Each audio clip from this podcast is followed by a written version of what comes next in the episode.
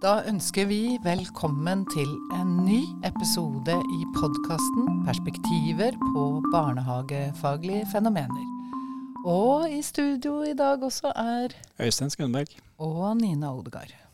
I vårt studio i dag så har vi besøk av Bente Ulla og Ann Sofie Larsen, begge fra Høgskolen i Østfold.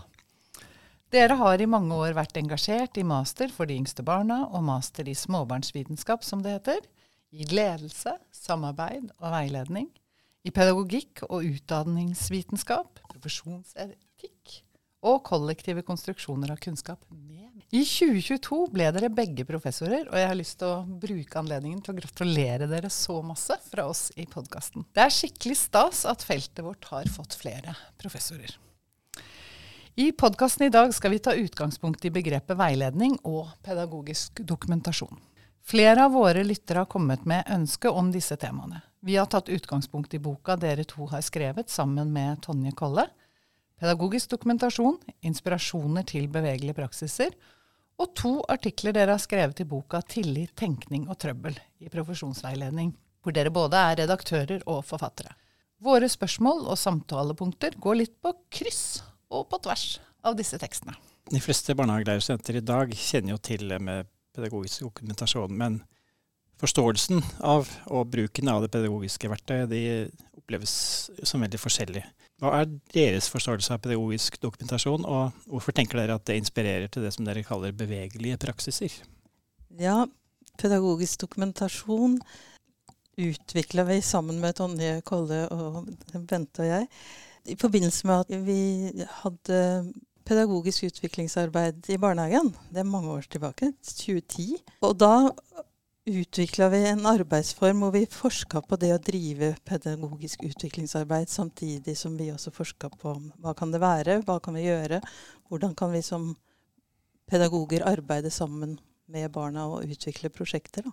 Vi tenker at pedagogisk dokumentasjon er en, et alternativ til en didaktikk, en, en måte å jobbe på hvor det kollektive er veldig sterkt. Vi verdsetter kollektive læringsprosesser og kollektivt arbeid med både personalet sammen, men også med barna. Da.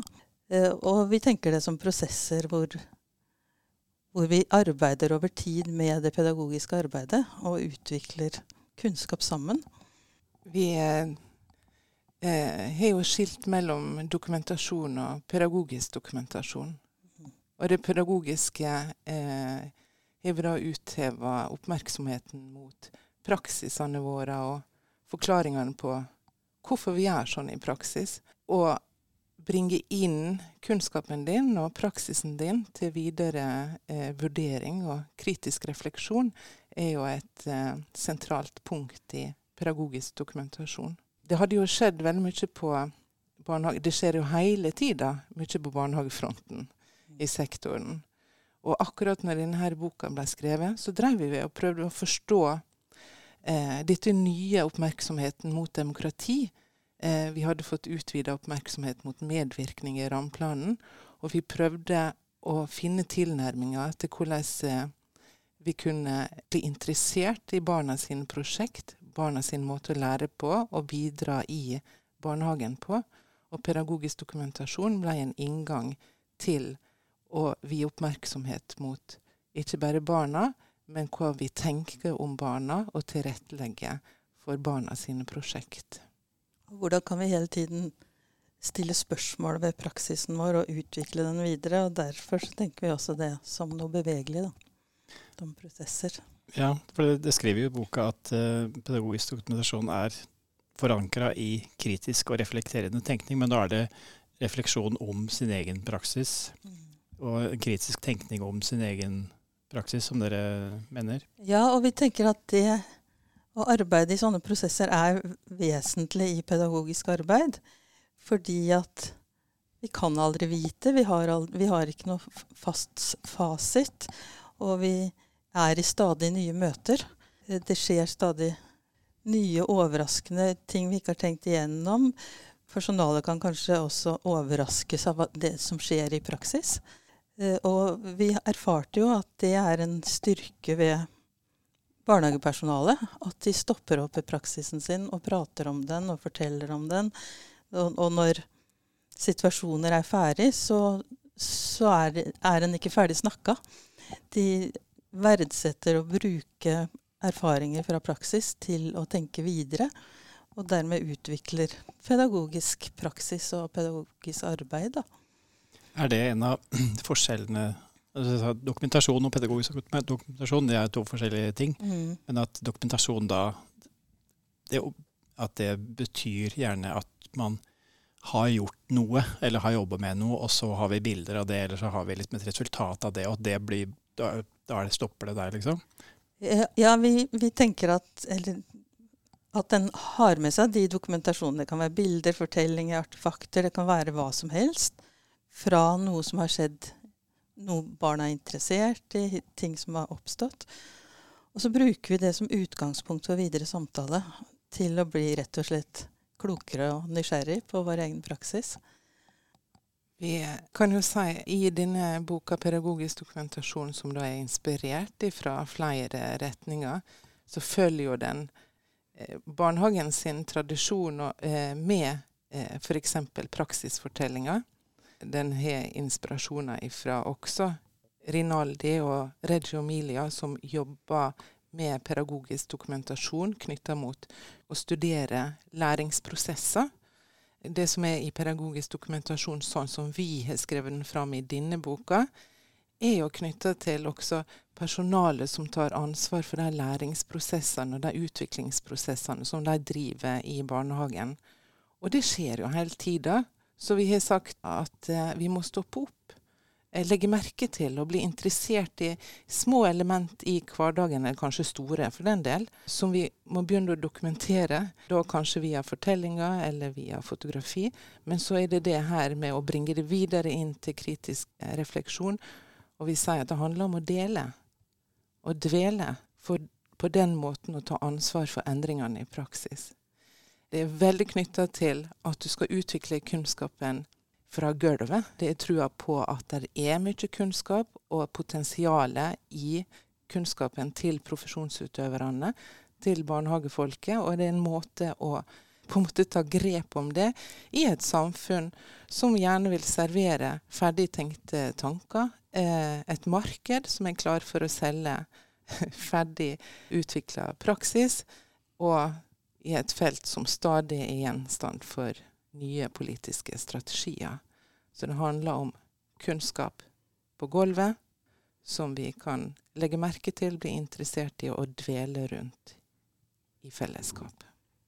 Ja, som vi kan orientere oss rundt på nytt. På nye måter. Se en gang til. For vi er opptatt av at det er alltid, alltid noe mer. Eh, både i forhold til egen praksis og egne relasjoner, men også i forhold til profesjonsutøvelse og den historien profesjonsutøverne står i. da. Barnehagelærerne, fagarbeiderne, assistentene. Eh, vi hviler jo også på en profesjon i en historisk utvikling. Så vi tenker det også som en etisk praksis. Å dvele, stoppe opp ved, spørre en gang til. Det er alltid noe mer. Og det er en sånn etisk reorientering da, som, som en verdsetter.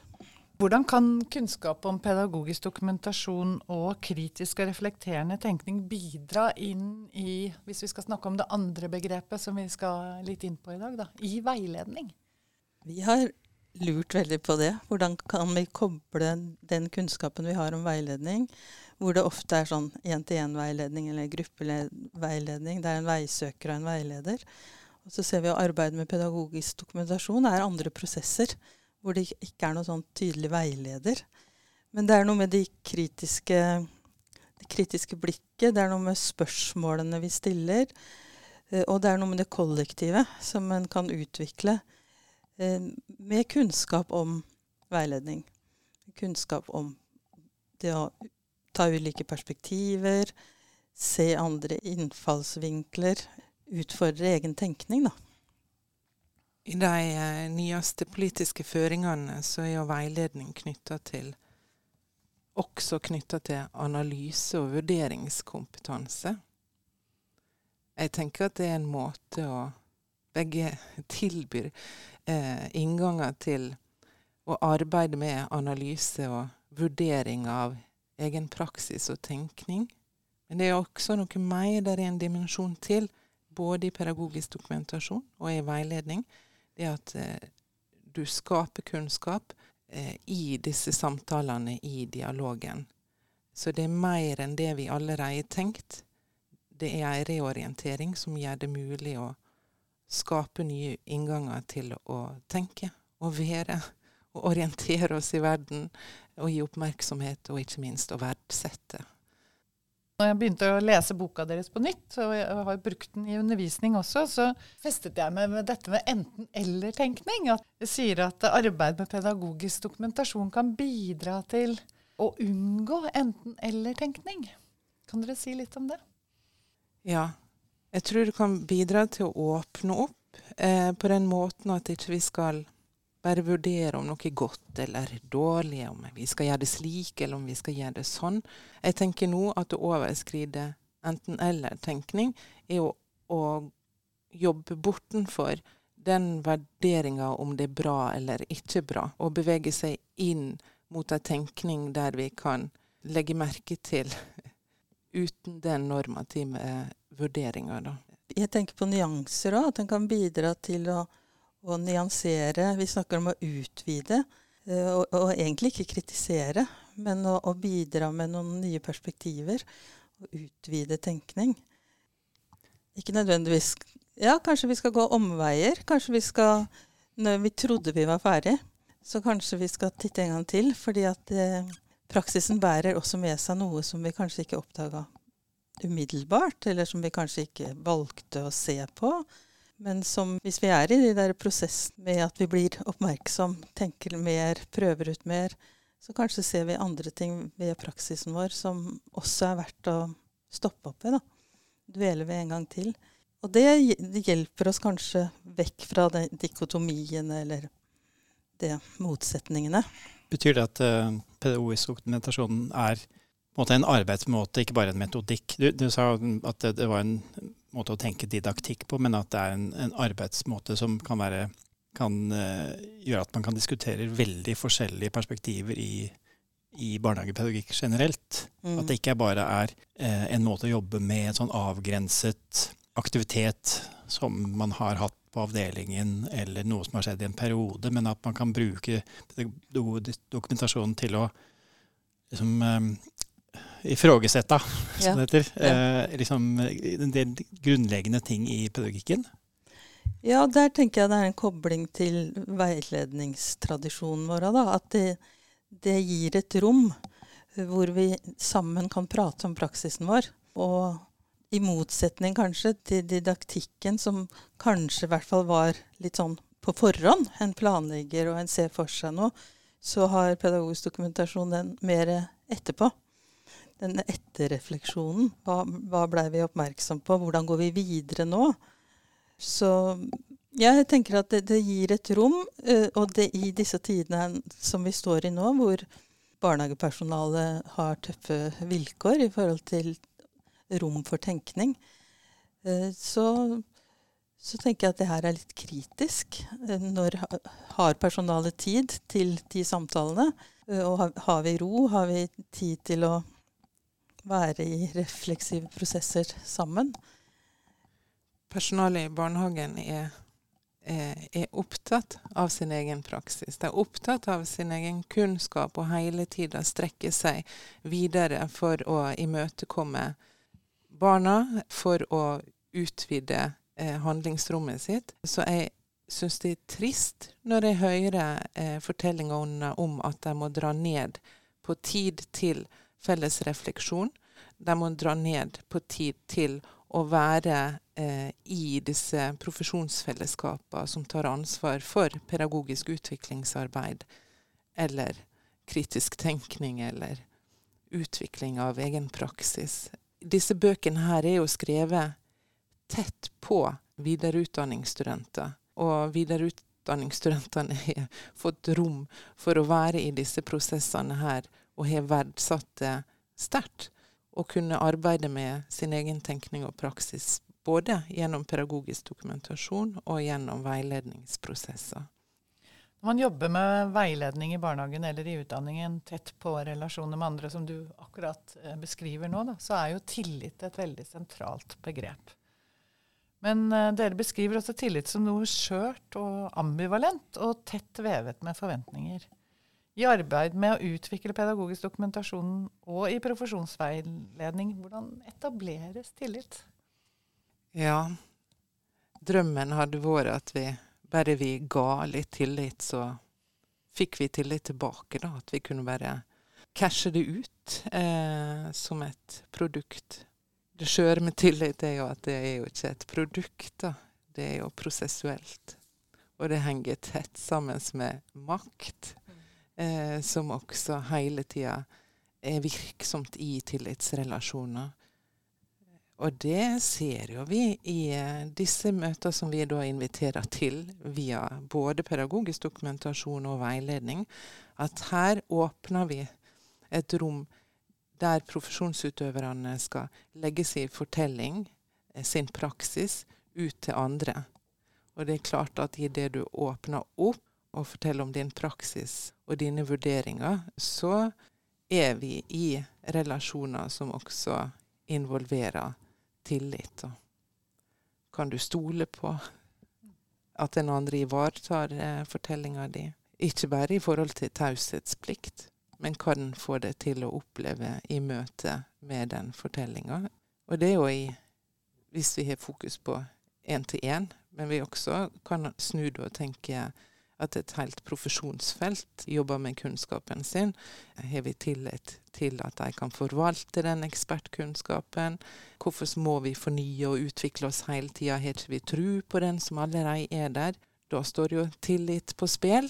Det ambivalente er jo at uh, du hele tida står i prosesser av tillit og mistillit. Da. Det er ikke to kontraster. Det heller er ikke enten-eller.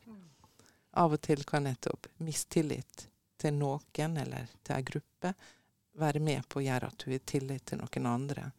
Så det, er, det er jo et paradoks i det her. Det er jo også det vi skriver fram om paradokser og dilemmaer som barnehagepersonalet står i hele tiden, og de må håndtere det.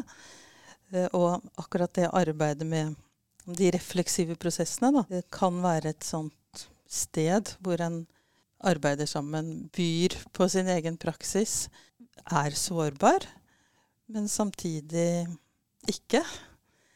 Så det er en styrke i det òg. Og, og, den kollektive dimensjonen, da, som også kanskje kan gjøre at personalet utvikler ting sammen, og at det ikke blir sånn min praksis og din praksis, og nå gjorde jeg ikke en god nok jobb, og, og det må vi snakke om. Nei, vi skaper noe sammen, og vi er vi skaper noen situasjoner hvor vi også kan være trygge på at det skal være lov, da, både å feile og ikke få det til og misforstå hverandre.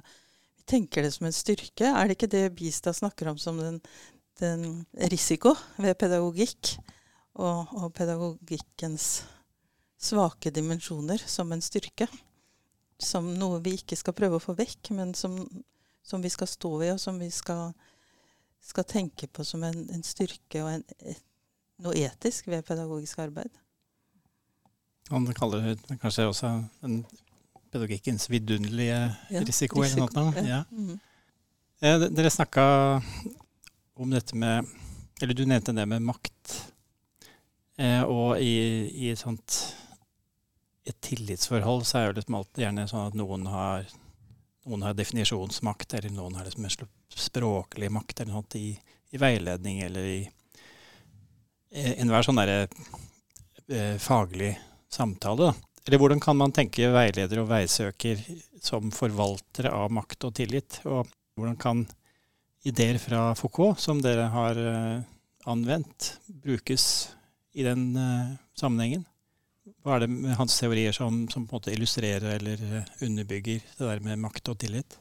Ja, han hjalp oss til å utvide fokuset eh, på makt, sånn at det ikke har en ren substans, at det, eh, det bare er en negativ eh, eh makt som et enkeltindivid har overfor et annet, som jeg kan bruke. Han eh, hjelpe oss til å se mot vilkår for kunnskap, vilkår for å vite. Og det er klart det at når vi setter oss ned og skal snakke om vår egen praksis, og det vi tenker å åpne fortellinga vår inn mot kunnskap, så åpner vi fortellinga inn mot vilkår for å vite. Eh, vilkår for verdier, for å være i verden sammen. Eh, så han eh, hjelper oss med å se at makt ikke er bare en inngripen fra en person til en annen, men hele vilkåra for samhandling, å være vitende, å være en profesjonsutøver eh, med ansvar også er bundet opp til maktmekanismer. Og ikke minst eh, den definerende makta, altså hvem som får tale, og hvem som er nødt til å tie, og hvem sine resonnement som blir sett på som rasjonelle, logiske, de som får oppslutning, kanskje til og med blir applaudert. Eh, klart det at eh, da har vi med maktvilkår å gjøre. Så han eh, har hjulpet oss ut av å tenke bare det som et middel én kan bruke overfor den andre. Men også motsatt. da, At vi kan påvirke. Vi kan sette oss i motstand og, og tale nesten den gales tale da, for å, å, å, si at nei, veit du hva, eh, her finnes det også andre perspektiv. Se her.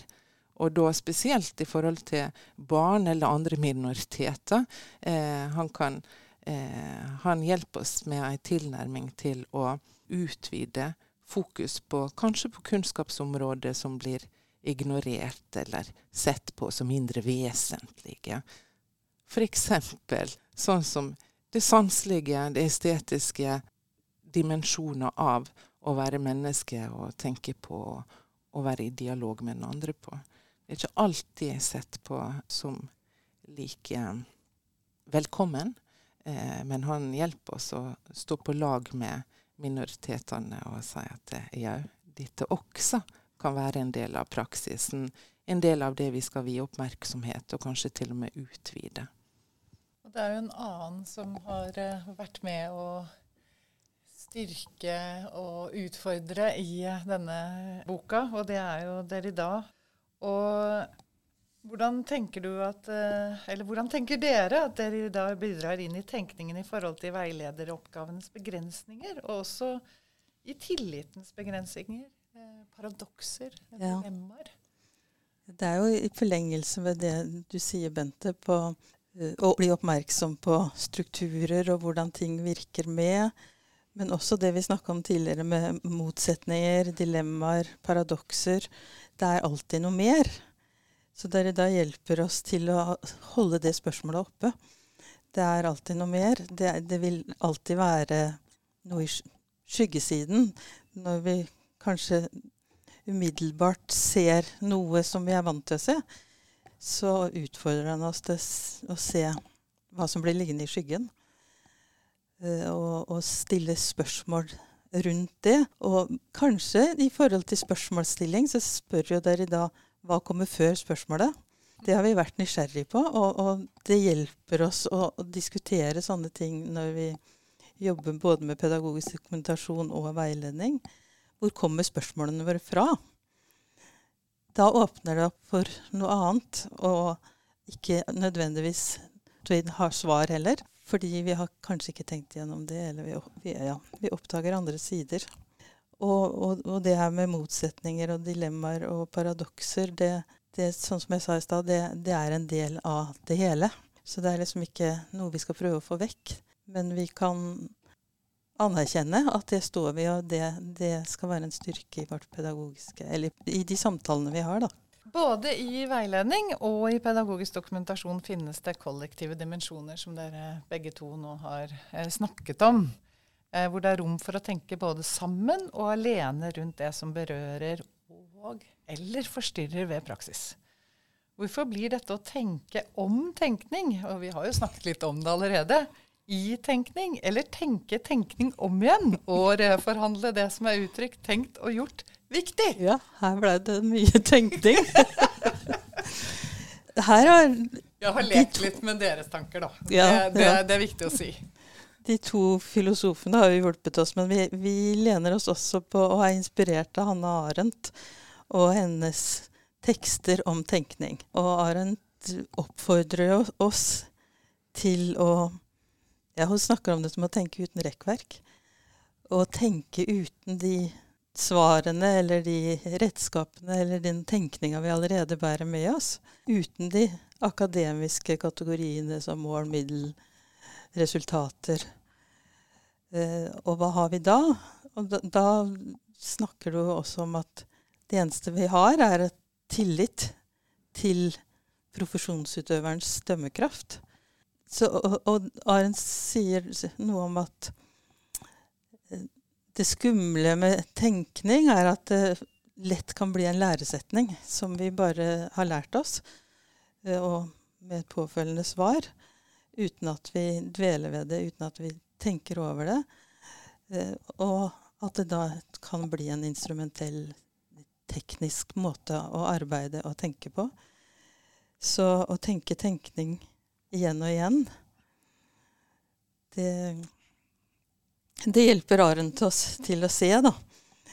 Eh, Og at, eh, at vi ikke må glemme å dvele eller stille spørsmål og spekulere på hvorfor vi gjør det vi gjør, og hva prosessene bærer med seg. Vi kan få til mye i pedagogisk arbeid, men, men er det verdt det? Er det det vi vil? Ja, så aldri glemme å tenke tenkning igjen og igjen. igjen, igjen. Tenke tenkning om igjen. Ja, eh, tusen takk til, eh, til dere for at dere vil komme og snakke med oss her i, i dag. Bente Ulla og Ann Sofie Larsen fra Høgskolen i Østfold. Nyslåtte professorer. Gratulerer igjen. Takk for Takk. at vi fikk komme. Tusen takk. Og vi her i studio er Øystein Skumberg, og, Nina Odegaard. Og dette er Perspektiver på barnehagefaglige fenomener.